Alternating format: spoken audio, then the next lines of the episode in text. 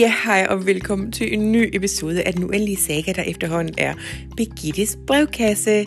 Øh, flere tusind episoder er der snart oppe, og hvis I ikke kan følge med, så er der jo nok en god grund til det. Det er, at jeg uploader nye episoder hele tiden, og øh, I kan næsten ikke nå at høre dem, hvis I altså har et liv ved siden af.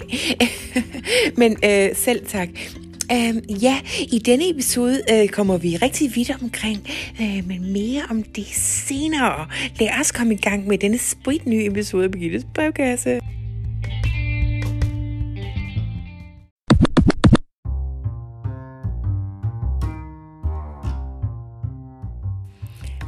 Igen, og det er lige et lille stemningsbillede fra mit liv, Birgitte, Birgittes liv. Øh, jeg har jo fået besøg af sådan en, der underviser på sådan en prinsesse øh, husholderske skole oppe i Sverige. Øh, faktisk den samme husholdningsskole, som dronning Ingrid har gået på, og min farmor... Øh, som også er uddannet den vej. Og ja, det lyder jo ikke noget særligt, og det var måske også en bedre idé for unge piger at få en rigtig uddannelse, øh, som jeg jo faktisk har. En universitetsuddannelse. Nå, men altså, jeg har fået besøg af øh, rektoren deroppe fra, fordi den er lukket lige nu øh, på grund af coronakrisen. Øh, men jeg har jo betalt mig fra det, så jeg også kan lære lidt, nu da jeg skal til at være inde hernede på Flemstrup Gods. Fordi når jeg bliver gift med øh, Hans, så stopper jeg jo bare med at være den gave, gave, øh, civile pige, Birgitte August, som er god, han, bla bla bla, etc.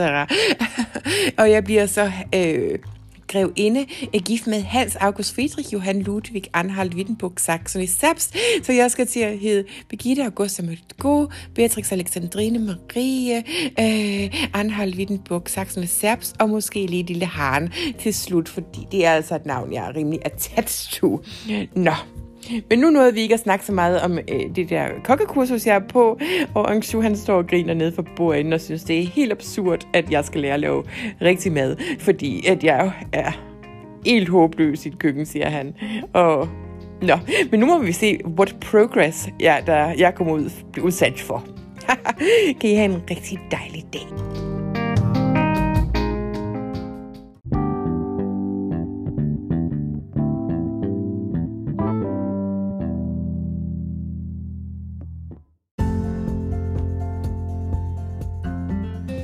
Ja, vi er kommet dertil uh, på kokkekurset.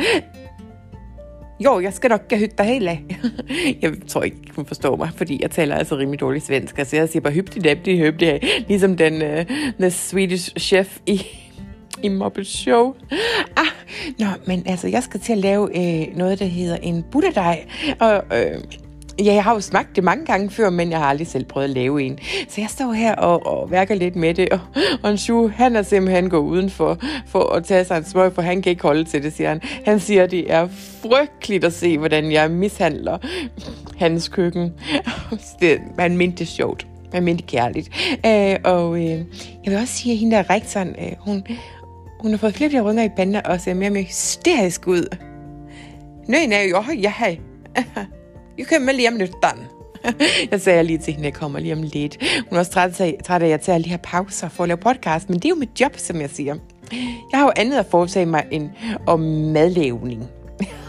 Nå, men øh, ja, mere senere.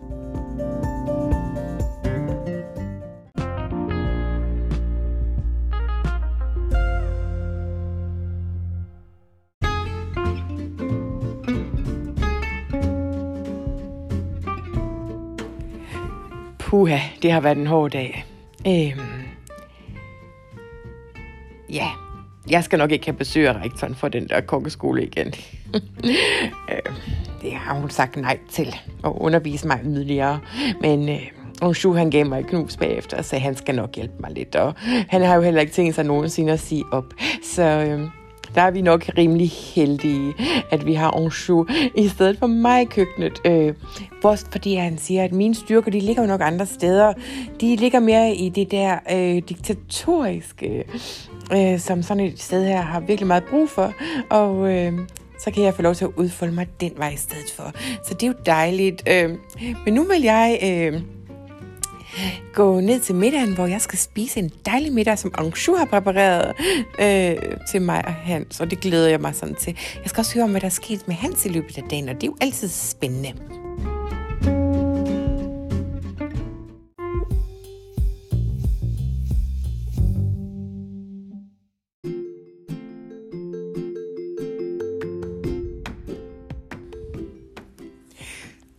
Og så er vi kommet til øh, segmentet og spørgekassen Birgittes fine fornemmelser, fordi jeg sidder faktisk her med Irene, som har lovet at hjælpe mig med dagens spørgsmål. Og det er i... Øh, der er en, der ikke øh, der er kommet op og skændes med sin mor omkring øh, Grundtvig hvornår Grundtvig faktisk øh, døde. Og det øh, synes... Øh, det ville de faktisk spørge Irene om, fordi de var ikke sikre på, at Wikipedia gav det rigtige svar. Så øh, jeg vil godt lige spørge øh, øh, Irene, øh, hvornår Grundtvig faktisk døde, om det er rigtigt, det der står på Wikipedia. Lige et øjeblik. Oh, okay, ja, øh, jeg kan fortælle dig, at Nikolaj Frederik Severin Grundtvig er født den 8. september i 1783 i Udby ved Vordingborg, og han er død den 2. september i 1872, så han blev jo faktisk en ret gammel mand, i København, og det er faktisk rigtigt, siger Rene. Øh, han døde 88 år gammel, og øh, Irene har astralt fløjet øh, hen til hans dødsleje og kan fortælle, at det, det gik øh, faktisk ret smukt for sig, og han døde en meget øh, rolig og stille død. Og det håber jeg, det besvarer jeres spørgsmål, og rigtig god dag til jer.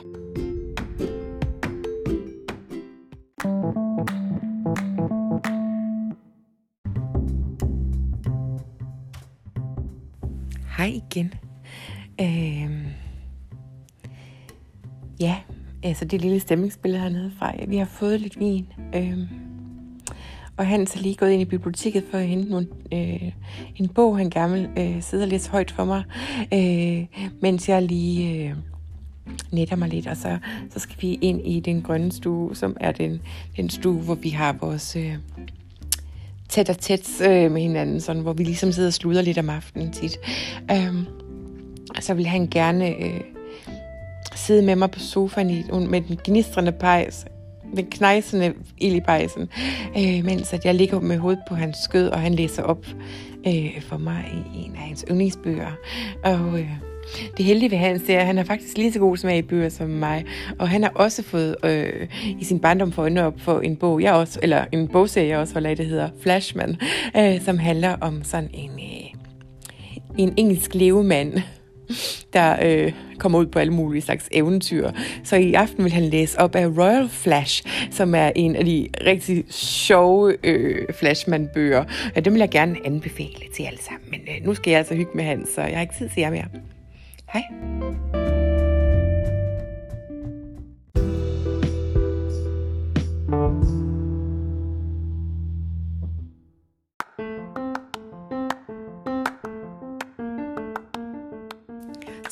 Er vi kommet til Birgittes brevkasse, hvor det i denne uge skal handle lidt om keramik. Øh, fordi jeg har fået nogle spørgsmål, fordi jeg i sidste episode talte lidt om indretning, om øh, jeg kan lide keramik, og det kan jeg faktisk godt. Øh, jeg synes faktisk, der er rigtig mange smukke keramikting, og det er egentlig meget sjovt, fordi dengang jeg var ung og barn, der synes jeg bare, at keramik var det mest kiksede i verden. Jeg kan huske dengang Patrick Gibson, han fik...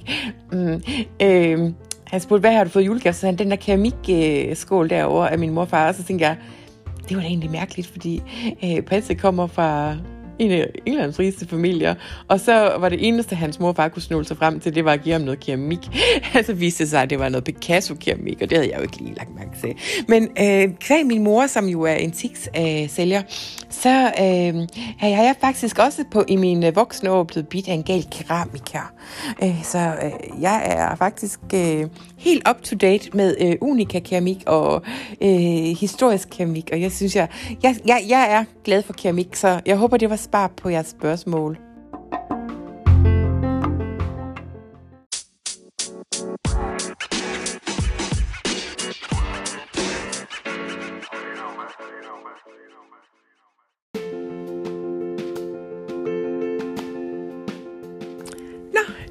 Kan jeg mærke, at det er det eneste, jeg overgår i dag, fordi at jeg er også lidt træt og og har faktisk en masse andre gøremål i den her uge, så det var alt, hvad vi havde tid til her i Birgittes brevkasse for nu. Øh, glæd dig til næste gang, hvor der bare er masser af spænding og mystik på programmet. Og jeg skulle hilse fra Irene og sige, at øh, i skal tage at tage jer sammen i Danmark. Hun er simpelthen så træt af at se folk, der tusser rundt i joggingtøj. Øh, op på hesten, siger Irene. Øh, prøv lige at sonere jer selv lidt bedre. Så jeg, jeg kan da godt forstå, at man er lidt afslappet på den her i coronans tid, men Irene siger, at det kan man simpelthen ikke være bekendt over for sig selv og for sin Gud. Så øh, ja, øh, god fornøjelse derude, og så husk at komme i bad i morgen.